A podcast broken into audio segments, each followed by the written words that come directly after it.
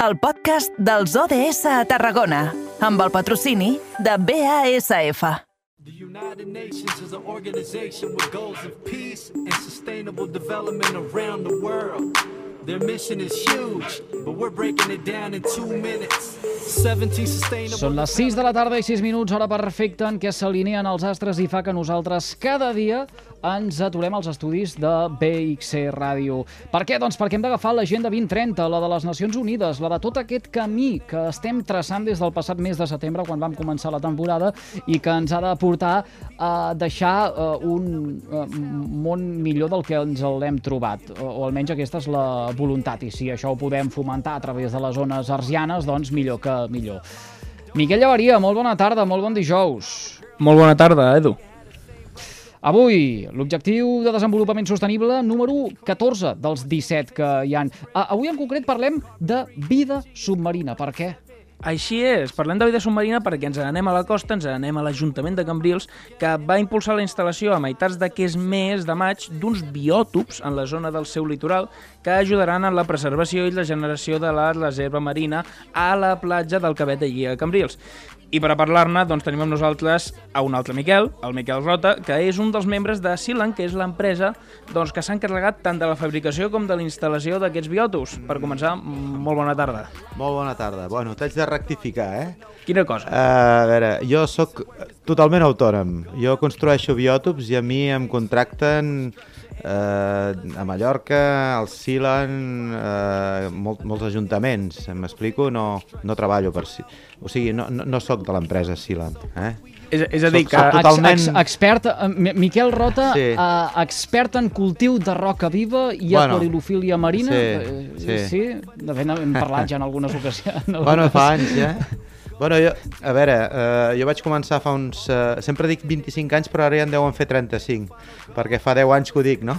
Llavors, fa, fa uns quants anys, als anys 80, 90, vaig començar, com si diguéssim, amb un negoci eh, familiar, per entendre'ns, amb l'aquarofília marina. El meu pare es va treure el títol de submarinista l'any 63, l'any que jo vaig néixer, i a partir de llavors pues, la nostra afició, a part de bussejar, era agafar cosetes i posar-les en un aquari i tenir-les a casa i fer-les viure, no? I a partir d'aquí pues, bueno, em vaig especialitzar en aquest tema. Als anys 90 vaig demanar una concessió submarina per cultivar roca viva, per, perquè la roca viva, com si diguéssim, eh, ajudava a, a, a muntar l'aquari, no? Era, era un principi tant de, de filtració com d'ajuda als peixos perquè allà els peixos normalment eren capturats en aquella època i els peixos no saben menjar pinso, els peixos que són de la naturalesa. Llavors sí que saben picar la roca si hi ha algun invertebrat o alguna algueta i a més a més doncs, d'aquestes dues coses també físicament doncs, era, era, era una pedra natural a dintre un aquari. Uh, vaig començar així i ara em dedico doncs, a partir de tot això i de veure molts oceans i com actuen els peixos ja fa des del 2011 que em dedico a construir esculls artificials. Uh -huh, esculls artificials com aquests biòtops que s'han col·locat allà a Cambrils, una miqueta exactament com, com funcionen o com, com seria la forma en què Bueno, mira, ajudarien. o sigui, què, què és un biòtop? No? Un biòtop mm. és, un, és un ecosistema, perquè ens entenguem, no? Sí. És, eh, has de pensar que el mar, eh, a la nostra zona, sobretot, és un desert de sorra, la majoria del mar, no? I, i, i el mar és, és eh, una sopa mm, de plàcton, que se'n diu, i fitoplàcton, i el plàcton són i, i el fitoplàcton són tot, tot, tot de, bitxets i algues i esponges, això, que pol·lulen a l'aigua i molts d'ells necessiten una subjecció, m'explico? Necessiten eh, a, a arribar a un lloc on sigui realment, com si diguéssim, prou, una superfície prou, prou, com si diguéssim, ferma com per agafar-se i, i començar la seva vida. Eh, Llavors, eh, la primera idea dels biòtops mm, va ser a Torre d'Embarra, fa el 2011, per, per substituir, com si diguéssim, el, a les típiques boies aquestes grogues que hi ha a la platja, saps aquestes boies que indiquen, uh -huh. com si diguéssim, el, el límit on la gent es banya i on els barcos naveguen, pues, normalment es col·locaven uns morts de ciment eh, d'uns 70, 80, 90 quilos eh, amb una cadena i una boia dalt. I llavors, eh, en aquella època, eh, em van proposar a mi, com si diguéssim, de, de substituir o de fer-ho jo.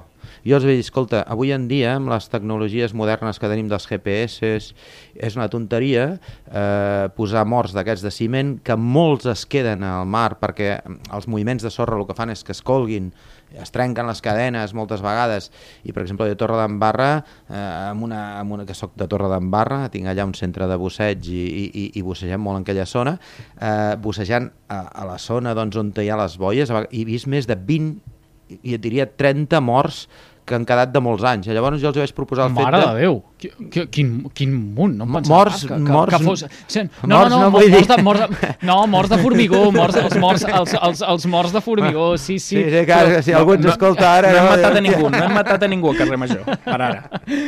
Ah, no, no, no, però, però, però ho, ho, ho trobo uh, és, és és, és, vaja. és normal, és normal, no, home, tu pensa que els, eh, aquests, aquests eh, com si diguéssim, morts de formigó, vale? aclarim-ho bé, eh, es colguen amb la sorra, amb els moviments de sorra, i llavors moltes vegades queden tan colgats que no es poden treure i s'arrenquen, com si diguéssim, no? s'arrenquen amb la cadena, s'arrenquen al moment de treure'ls i queden allà.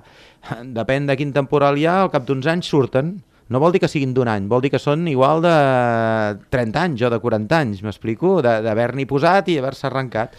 Llavors la meva proposta va ser, escolta, amb els GPS que tenim avui, amb el posicionament que hi ha avui en dia, que és molt, molt, mm, com si diguéssim, molt perfecte per entendre'ns, perquè no col·loquem en comptes d'un mort de ciment una casa per peixos, aviam si ho entenem, no? un biòtop, diríem, perquè la gent ho entengui, una casa per peixos, que no és només una casa per peixos, és una casa per invertebrats, per algues, per peixos, per tota la vida marina, no? Uh, com són aquests biòtops? pues, uh, molt més, com si diguéssim, uh, com, com ho explicaria, no? laberíntics, laberíntics, perquè els peixos es puguin protegir, uh, d'una qualitat avui en dia uh, de construcció molt més uh, orgànica, perquè ens entenguem, molt menys contaminant i molt més duradera, i amb unes formes que eh, no desentona amb el medi marí. No? Eh, estem intentant, doncs, amb, amb, amb els anys, eh? hem anat veient els defectes amb, des del 2011, hem vist... Home, ha- han evolucionat, Miquel, aquests eh, biòtops. Jo recordo els primers que es van eh, submergir a la platja de, de Torre d'Embarra, a més a més ens- se'ns Sí, convidava la sí, premsa a poder sí, pujar amb sí. aquella embarcació Sí. i, i vaja, a veure com se submergien. Uh, I al final t'has acabat convertint, podríem dir, en el gaudir dels biòtops. Eh, jo sempre he dit que sóc artista, eh? Eh, més que comerciant. sí.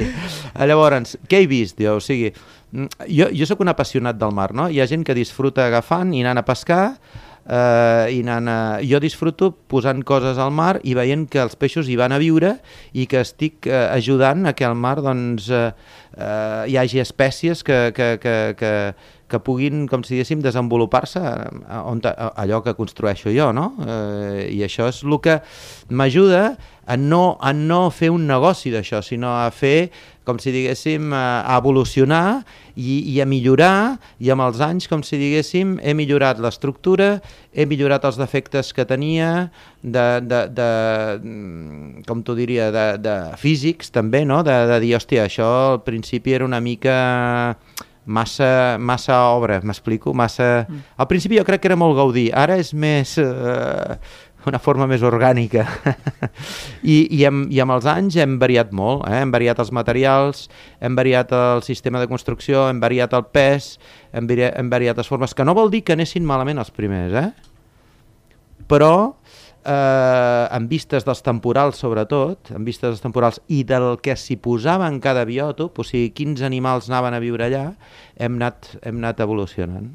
I una miqueta, quan col·loqueu un biòtop, en quin temps us plantegeu el, diguem, analitzar si ha tingut l'efecte que us esperàveu, si certs animals o certes plantes marines s'hi han quedat per, com a per viure, per aprofitar aquesta part de com a ecosistema, Mm. o una miqueta com serien aquests timings? Mira, uh, el primer que fem ara, uh, el meu fill, que és, uh, em va dir que jo no feia les coses del tot bé, vale?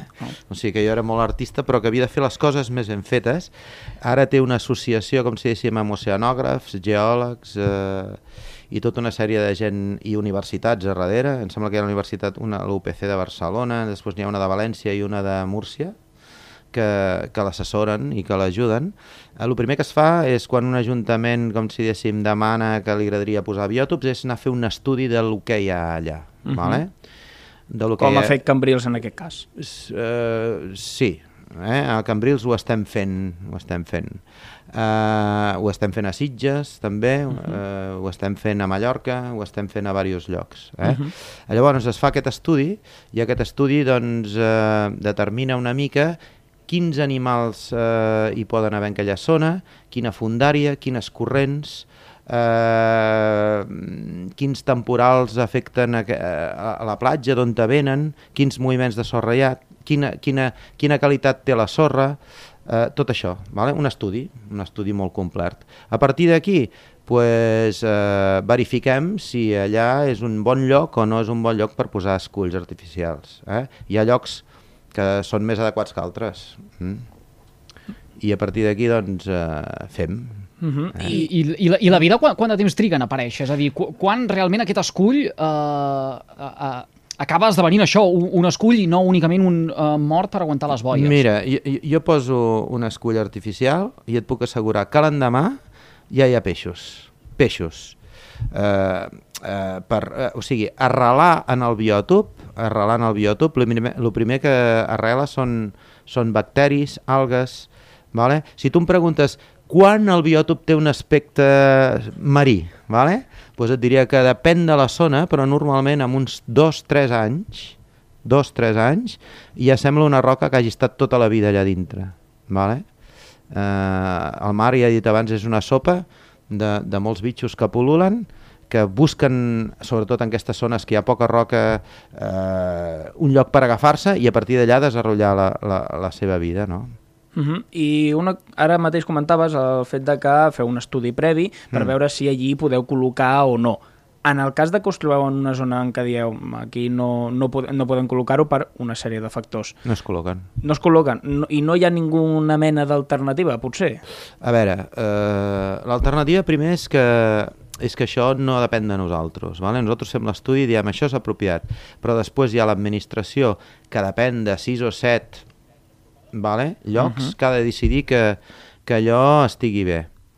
Uh, és complicat, eh? Vull dir, és complicat perquè a vegades uh, ens costa, m'entens, uh, que set, set departaments decideixin a favor. Uh, mm. És així, és així. És una lluita bastant constant, no? Però bueno l'administració és també un escull, però en aquest cas un escull eh, a superar en moltes ocasions. Uh, Mi...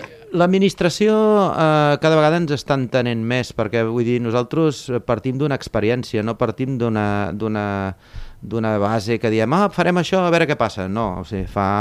Eh, al principi doncs, vam començar el 2011 sense tants requeriments perquè en aquella època doncs, potser no es mirava tan prim, mmm, i, i, i tenim pues, ja quasi 10 anys d'experiència i sabem realment què passa, no? I a partir mm. d'aquí, eh, demostrant-ho, creiem que anem, anem avançant.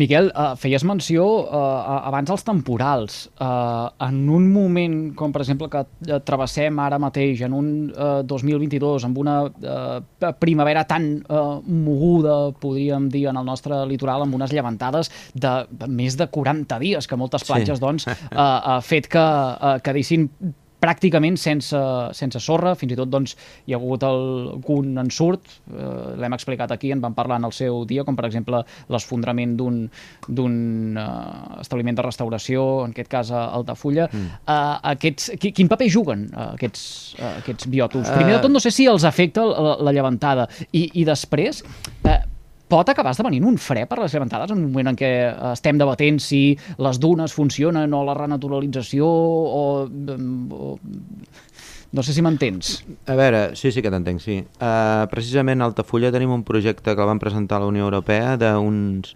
d'uns de, de fer un, com si diguéssim unes barreres submarines eh, per, perquè els temporals no alterin tant com si diguéssim, les, les uh, sorres, no?, per entendre'ns.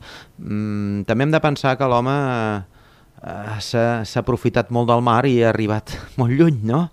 I llavors, doncs, molt lluny vull dir molt, molt, molt arran de mar, perquè ens entenguem, no? i que els temporals ara pues, potser sí que són més violents. Eh, es poden parar, clar que es poden parar.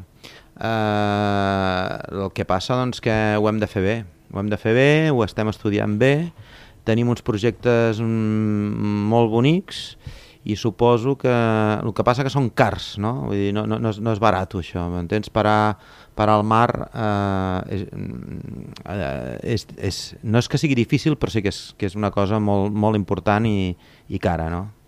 Mm. És, és a dir, que, que un, no ho sé, ara penso en un escull d'aquest tipus a moda d'espigó mm. però submergit, I, podria sí. funcionar? Tu imagina, mira, uh, uh, jo he estat en molts uh, uh, esculls de corall, si, si tu vas amb, amb, amb, com si diguéssim, en aquests llocs paradisíacs com Maldives o la Polinèsia francesa o el Carib, el que realment, a, a, aquestes zones són molt baixes, vale? estan més arran de mar que, que Altafulla, vale? Eh, em sembla que la muntanya més alta, per exemple, de Maldives, té un metro i mig, vale? o sigui que està més avall que Altafulla. Què és el que para al mar? Pues el que para al mar és l'escull de corall, l'anell de corall. Què és això? Pues això és a una distància mm, de la costa de, a vegades un quilòmetre, a vegades 300 metres, a vegades 50 metres, a vegades 100 metres, una barrera, com si diguéssim, que, pugi, que puja quasi a la superfície. M'explico? Quasi a la superfície sense sortir dalt. Això el que fa és trencar mm. l'onada, vale? això evita que l'onada, perquè a veure, a l'Índic eh, a vegades hi ha onades de 4 i 5 i 6 metres com aquí en un temporal del Glòria, no? Llavors, però l'onada, si es troba amb, amb, amb, amb, un, amb una barrera d'un metro, es trenca i allà es para, com si diguéssim, no? I es mm. tractaria de fer alguna cosa mm, semblant amb això, eh? sense alterar, com si diguéssim, la fisonomia de la costa, no? perquè això... O sigui, sense que sortís fora, perquè ens entenguem. I, i, I això, una última pregunta, si no m'estiraran de les orelles perquè tenim el següent convidat en espera. Uh, i això podria funcionar aquí? És a dir, uh, seria factible d'aplicar, per exemple, en el uh, litoral de, de la Costa Daurada? No sé, ara penso, uh, hem posat el cas de la platja d'Altafulla, però podríem posar el cas de, la, de Roda de Barà o, per exemple, de la Pineda, on, per exemple, doncs, el relleu dels ports esportius han acabat doncs, malmetent moltíssim les platges. Sí, funcionaria. Eh? Alteraria el fons marí, però l'alteraria per bé, aquí hi haurà gent que dirà que oh, és que això és un fons de sorra i té que continuar sent fons de sorra. Escolta, jo bussejo fa 50 anys aquí i tot és sorra, tot és sorra. I, i vale, perquè alterem una mica, com si diguéssim, la meva, la meva, la meva opinió eh, personal, no? perquè alterem una mica la costa si fem que no es facin malbé les platges, a veure, eh, les corrents sempre trauran una mica de sorra, ja per inèrcia, eh? O sigui, el que passa que amb un temporal segurament, en comptes d'emportar-se una platja, s'emportarà una mica de sorra. Què vol dir? Que al cap dels anys hem de tornar a posar una mica de sorra? Potser sí, però no de la manera que passa ara. Eh, que alterarem el fons marí i posarem pedra? Sí, però és un problema? Per mi no. Vull dir, per mi la zona més rica en biodiversitat de la Costa Dorada és la zona acabada Roc de Sant Caietà a Torre d'Embarra, que és, on, és l'única, eh, eh, o sigui, és, és un lloc on hi ha pedra submarina i és on realment es pesca molt, eh? hi ha molta més biodiversitat. Si nosaltres posem unes barreres de pedra altafulla, tu pensa que del, del, del faro de Torre d'Embarra fins davant de Tarragona, dintre l'aigua només hi ha sorra. Hi ha alguna praderia de Simó d'Ocea? Però només hi ha sorra. Cinc barcos que queden de pesca que van enfonsar als anys 80, un tros d'avió del Henkel 111, un avió de la Segona Guerra sí. Mundial que va caure, i res més, i res més. No hi ha ni, un, ni una pedra. I a les pedres que hi havien a la costa, que ara jo aquí és on vull anar a parar una mica, mmm, la biodiversitat que hi havia la biodiversitat que hi havia de tot el roquer, del far, de Torre d'Embarra, de la Punta de la Mora, tot això és mínim ara el que hi ha. Mm, degut a què? Mm, jo tinc la meva opinió eh, personal, no? Hi ha hagut dos factors importants que, que, que, que, que, que han fet malbé tota la, tota la fauna que hi havia. Molt interessant tot això. Jo ara aquí em quedaria xerrant, però es farien les 7 de la tarda eh, i, i, Ah, o més. I, i, i, i, i, tindríem, i tindríem un problema gros sí. després per acabar el programa. Miquel, eh, t'agraïm moltíssim que un cop més eh, hagis acceptat la invitació del programa. És sempre un plaer, a més a més, amb aquest llenguatge tan eh, entenedor eh, Bueno, per, ho intento, per, per, ho intento. per tothom. Eh, un, un, un plaer, Miquel Rota. Moltíssimes gràcies. Moltes gràcies a vosaltres eh, per deixar-me venir, per deixar-me explicar i, i bueno, gràcies als oients que tenen la paciència també d'escoltar-me eh? Moltíssimes gràcies, que vagi molt bé. Bona molt tarda. bé, molt bé, gràcies a vosaltres